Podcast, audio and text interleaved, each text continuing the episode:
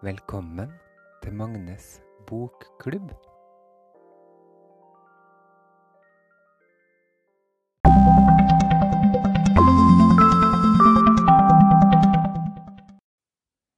Snart er det jul, som ei venninne av meg pleier å si.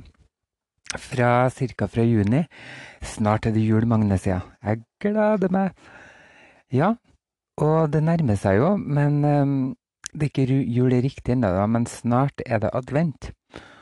Og neste kapittel i Villskudd av Gudmund Vindland, som jeg da holder på å lese, og som forhåpentligvis kanskje du gjør òg, eller så hører du bare random på det her likevel.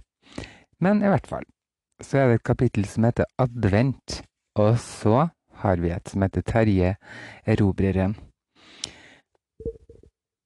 For å sette stemninga, da, så um, så blir man spurt i starten av kapittelet her, husker du barnefilmen fra 50-åra om ei flyktningjente som het Toya? Nei, det husker jeg ikke, fordi at jeg så ikke på barne-TV i 50-åra.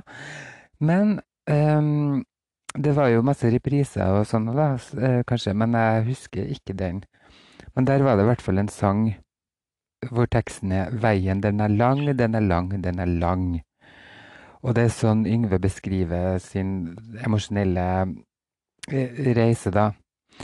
Um, jeg holder på, jeg blir jo så nysgjerrig på sånt, så jeg har jo googla og googla og sjekka masse på Spotify om jeg finner en sang som heter det. Men den er jo ikke der, da. Jeg fant ut til slutt at det er ei som heter Aleis Skard, som sang den sangen. Det var hun som spilte Toya. Men den fins altså ikke ute på Spotify, så jeg har funnet en erstatningssang. Som uh, kanskje sier det samme, da. Den sier i hvert fall at veien er lang. Eller det er langt å gå, eller noe sånt. Så den skal jeg spille for dere nå etterpå. Hvis du hører på den podkasten her gjennom Anchor, så får du deilige uh, musikksnutter når episoden er ferdig. Så jeg håper at du gjør det, for det, det, det gjør det lille ekstra, syns jeg. Det at du får den der avslutninga med den uh, sangen som hører til podkastepisoden. Så et lite tips til deg gjør det. Forrige episode var jo ganske, ganske trist og, og tragisk. Um, sånn at uh, det det avslutta med der, det var at vesleulv uh, hadde tatt livet sitt. Og vi tok vel også farvel med Jonas. Så det var masse død eh, i forrige episode. Og, og, når vi nå fortsetter å følge Yngve, så er altså veien lang, lang, lang, og han er full av valium, champagne og whisky. At han nesten ikke kunne se. Han klarer å uh, karre seg fram til institusjonen sin, da, og heldigvis så er det søster Bodil som han har fått et godt forhold med som tar imot han og får han i, i seng. Så, eh, Men så dagen etterpå så møter hun jo selvfølgelig doktor Chivago blir satt til veggs. Eh, hva gjorde du i går, og hvorfor eh, Eller hva driver du med? Og, og sånn. Og her kommer det masse utropstegn i margen til meg, da. Eh, for her er doktor Zhivago i gang igjen med hersketeknikker og med hånlig hånligheter, da. Um, for han spør altså Yngve hva han driver på med, og så når han svarer ganske ærlig Men først så sier han jeg vil ikke fortelle hvor jeg var, men jeg var ute og foretok meg noe viktig og nødvendig, sier han da. Er det alt du vil fortelle oss, sier doktoren. Ja, visse sider av privatlivet mitt angår ikke deg og sykehuset. Og da sier doktoren, hører dere alle sammen, merk dere dette, Vildes privatliv er hellig. Han er veldig sånn hånlig da, hele tida.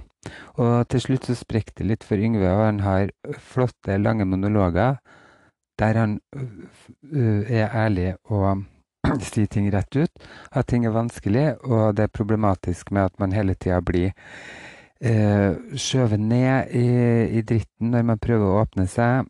Og han syns det er vanskelig å, å være på denne institusjonen, da. Men eh, doktoren svarer stadig vekk med sånne hånlige spydigheter innimellom. Det er skrevet masse i margen her. Ekkel hersketeknikk. Uh, nydelig jeg skrevet innimellom. Det er vel sikkert noe Yngve har sagt til deg. Skal vi se hvorfor jeg skrev nydelig. Ærlig og fin har jeg skrevet. Ok, da skal vi ta litt høytlesning her, da, for å, for å liksom bare oppsummere, eller, eller ja.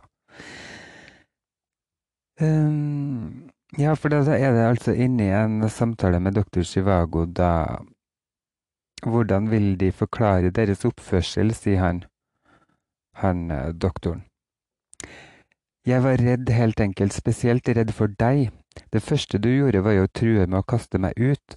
Hvorfor tror du jeg i det hele tatt søkte om å få komme hit?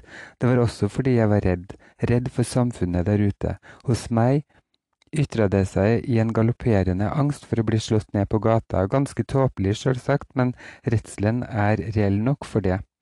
Jeg tror de fleste lider av det samme, selv om det gir seg forskjellige uttrykk. Fru Haugen er redd fordi hun hater mannen sin. Fru Eiriksen er redd for å kjøre trikk og buss. Astrid er redd for å gå opp til eksamen. Alt dette er bare forskjellige knagger vi henger angsten vår på, men jeg tror at alle sammen har en felles årsak. Alle vi som sitter her, er ikke så forferdelig er ikke så forferdelig redde for å dø, vi er redde for å leve.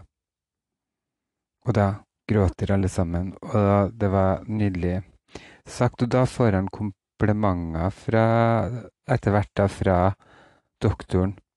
Han sier at uh, jeg synes de nettopp har forsvart dem aldeles glimrende, sier han. Uh, ja, det er ikke alltid man kan snakke seg ut av farlige situasjoner, sier Yngve. Nei, men der har de sannelig fått en nådegave, Vilde. Den kan de komme langt med.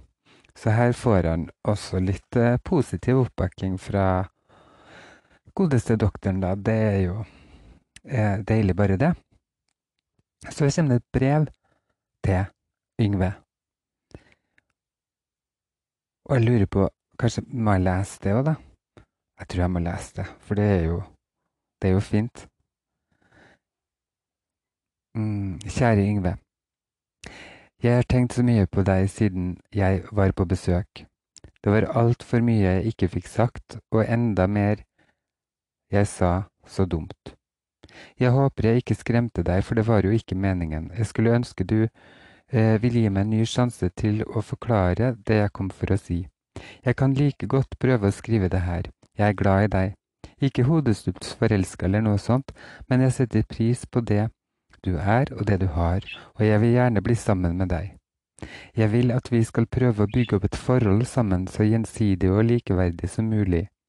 Ikke et dyptpløyende kjærlighetsforhold hvor vi har nok med å granske hverandres navler, nei, heller da et vennskapsforhold hvor vi kunne leve og jobbe og krangle og elske sammen. Faen, dette her ser jo ut som en lærebok i fornuftig samliv, det var ikke det som var meningen. Så hør her, da. Det er deg jeg vil ha. Vil du ha meg? Øystein din, om du vil. Og var ikke det romantisk, så vet ikke jeg. Mitt lille harehjerte begynte i hvert fall å øh, dunke litt i brystet mitt. Nå kjente jeg Og jeg fikk lyst å bli forelska. Uh, ja. Hm. Jeg tror jeg må det Ja. Nå vil jeg ut i livet og, og, møte noen som kan få hjertet mitt til å dunke litt. Det tror jeg, altså. At det begynner å bli på tide. Nå er jeg blitt 40 år. Um, jeg nå, og jeg har alltid tenkt at for, uh, når jeg bikker 40, da skjer det ting. Det har vært litt sånn uh, rolig noen år for meg. Spesielt på kjærlighetsfronten. Og uh, ja, noen mørke hull her og der, men nå kjenner jeg at jeg kvikner til at det var det som skulle til. Bli 40 år, så ordner det seg. Nå blir det. Videre så kommer det altså et kapittel som heter Terje erobreren, og da skjønner man jo det at her kommer Terje tilbake. Og han kommer jo som en virvelvind, selvfølgelig, sånn som han øh, alltid gjør. Og han kommer inn med replikken Ho-ho, Asbjørnsen, ho-ho, mo. Så det er jo med en morsom vits, og det er jo vitser i hver eneste lille eh, setning han sier, med stor entusiasme og sikkert high pitch, kan jeg tenke meg. Og ja, fargerikt språk jeg skriver i, i margen, da.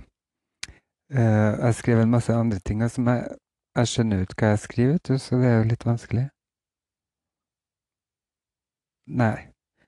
Jo, jeg skriver et eller om sjanger og sånn. Jo, kanskje at det minner meg litt om sånne drag queens, som jeg også ser på RuPaul's Drag Race og sånn. Eh, at det er et sånn egen egen sjargong, uh, egen sjanger i det her måten å snakke på. Med de her vitsene og sånn. Det er akkurat som man har en sånn spesiell vitsete måte å være på. Sånn som jeg føler enkelte nordlendinger kan ha òg. At det må komme noen vitser og ordspill i de fleste setningene. Men hvis ikke, så, så teller det ikke. Noe fint med å hmm. Her er også skrevet noe som jeg ikke skjønner. Noe fint med Jeg må lese, skal vi se. Å ja. Ja. Det er det at han styrer og herjer på han Terje ikke sant, når han kommer. Og, og Yngve blir litt stressa og han sier at nå må du roe ned litt, så vi kommer oss gjennom korridoren og kommer oss ut. Eh, og da sier eh, Terje men jøss det navn da, Tutta, så nervøs du er blitt da. Tåler de ikke å se på to gamle venninner møtes etter flere år, eller? Og da, ja, det var det at jeg syntes det var litt sånn fint at han bare turer og tøyser på, og ikke hadde noe respekt for de her autoritetene og, og de, de greiene der, da. Det er litt nydelig med mennesker som bare ikke er nervøse. Det er jo, det er jo fint og litt inspirerende. Ja, og de snakker jo masse. Og um, Terje forteller jo om denne tida si da, ut, ut Han har jo cruisa virkelig rundt hele jorda og bare tatt for seg av uh, narkotikum og seksuelle utskeielser og sånn. Og så har jeg skrevet margen kokain i colaen. Ja, for det er, det jo sånn greie. jo, for han holder på å fortelle om noen som drakk seg i hjel på Cola i 68. Og da lurte jeg på om Var det virkelig da Coca-Cola? For en gang i tida så har det jo vært kokain i colaen. Hvis det ikke det er bare en myte, da. Ja. Hvis du som hører på f.eks. har sett Nar Narcos, er ikke det heter? Eller sier Narcos? Narcos. Den uh, TV-serien, så er det jo Der er det jo noe om det, tror jeg at den drev og putta kokain i colaen uh, i starten når den kom. Og da ble jo folk hekta ikke sant, på Coca-Cola. Og så um, uh, Ja, så man rusa seg rett og slett på Coca-Cola, da. Mm. Ja, videre, videre så har ikke jeg egentlig skrevet så veldig mye sånn i margen. Det skjer liksom ikke så så fryktelig mye. Det er jo gullkjole og kasino, og det er liksom reising verden rundt og eh, masse som skjer i California eller Francisco. Øh, og Terje liksom styrer nå bare på dem. Og så er de inne på noe som jeg kanskje syns er litt interessant. Det er det her med Han sier noe sånn Typisk velstandsnevrose, typisk for vår generasjon som er flaska opp på feit mat og høykonjunktur, som aldri har vært nødt til å slåss for noen ting. Vi er så privilegerte at vi må skape oss noe helt uvirkelige idealer, og stylter for å ha noe å se opp til og leve opp til. Ja, fordi at her blir det jo snakk om at uh, Terje plutselig blir litt politisk uh, engasjert. Og han uh, han har reist rundt og sett eh, slummen rundt omkring, og, og han skjønner eh, kanskje da hvor bra vi har, har fått det i Norge. Og at eh, ja, at det er mange som Han opplever det som Uh, som noen som bortskjemte drittunger, da, på en måte. Her sitter vi og er feite og gode og, og klarer oss bra, ikke sant. Og det er noe som jeg tenker på i dag så er det en del ting som skjer i nyhetene og sånn som, som gjør at jeg tenker herregud, der sitter vi og klager og på sånne latterlige, dumme ting. Og så, og så er det viktigere ting vi kan gjøre, eller viktigere ting som skjer i verden. Så ja. Men samtidig så er vi levende, vi er barn av vår tid, og, da, og vi må jo få lov å være opptatt av, av det som er rett foran nesa uh, vår òg, litt, tenker jeg da. Det er en grunn til at vi vil ha kultur og underholdning og sånt også, sånn at vi ikke bare skal sitte og, og tenke på alt som er vondt. Så ja, det er en balanse der, tenker jeg. Eh, men noen ganger så lurer jeg litt da når jeg ser for sånn hundrede gang Frank Løke sin Borat-drakt i Skal vi danse og sånn, og hvor uh, opprørende det er og Eller, ja. Så uh, Ja. Jeg vet ikke, jeg vet ikke helt hva jeg tenker om det. Jeg tenker mye forskjellig om det, egentlig. Og det kan jeg sikkert også snakke mye om, men jeg velger å la være, da. Men Terje er altså tilbake, vil ha med seg Yngve ut, ut på livet og hysteriet igjen. Uh, Yngve sier at nei, du, jeg klarer nok ikke å være med på, på din uh, verden akkurat nå. Nå må jeg gjøre meg ferdig her på uh, asylet. Eller det er vel ikke et asyl, men hvis vi kan kalle det noe, da. Og så Ja, så sier Terje at han har fått seg jobb spo, i Sporveien. Og det er et sånn morsomt bilde at han skal stå der i koksgrå uniform på Briskebytrikken. Uh, ja. Uh, og så slutter det vel der, egentlig, kapitlet, da. At uh, Terje spør skal du bli her lenge. Nei, det vet jeg ikke. Vi får se, sier han da. Ok, enkelt og greit oppsummert de her to kapitlene. er til og med hatt litt høytlesning sånn i full fart. Um, de neste to kapitlene er de to siste i hele romanen 'Villskudd'. Så da er vi altså ferdig når jeg har lest dem to. Det, de heter for 'En forhekset vekkelsesprins' og 'Nattens ende'. Og jeg kan allerede avsløre at det er Nei, jeg skal ikke si noe. Jeg har, jeg har juksa og jeg har lest dem, og jeg kjenner at det bare vibrerer uh, av Jeg vet ikke. Jeg vibrerer i hvert fall.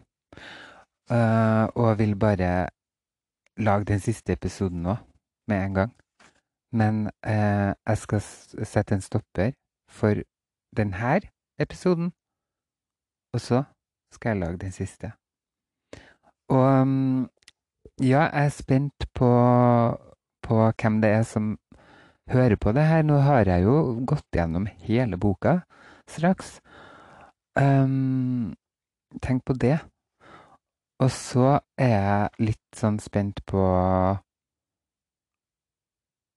på fortsettelsen, om jeg skal ta stjerneskudd eller ikke. Men det skal jeg komme tilbake til seinere, da.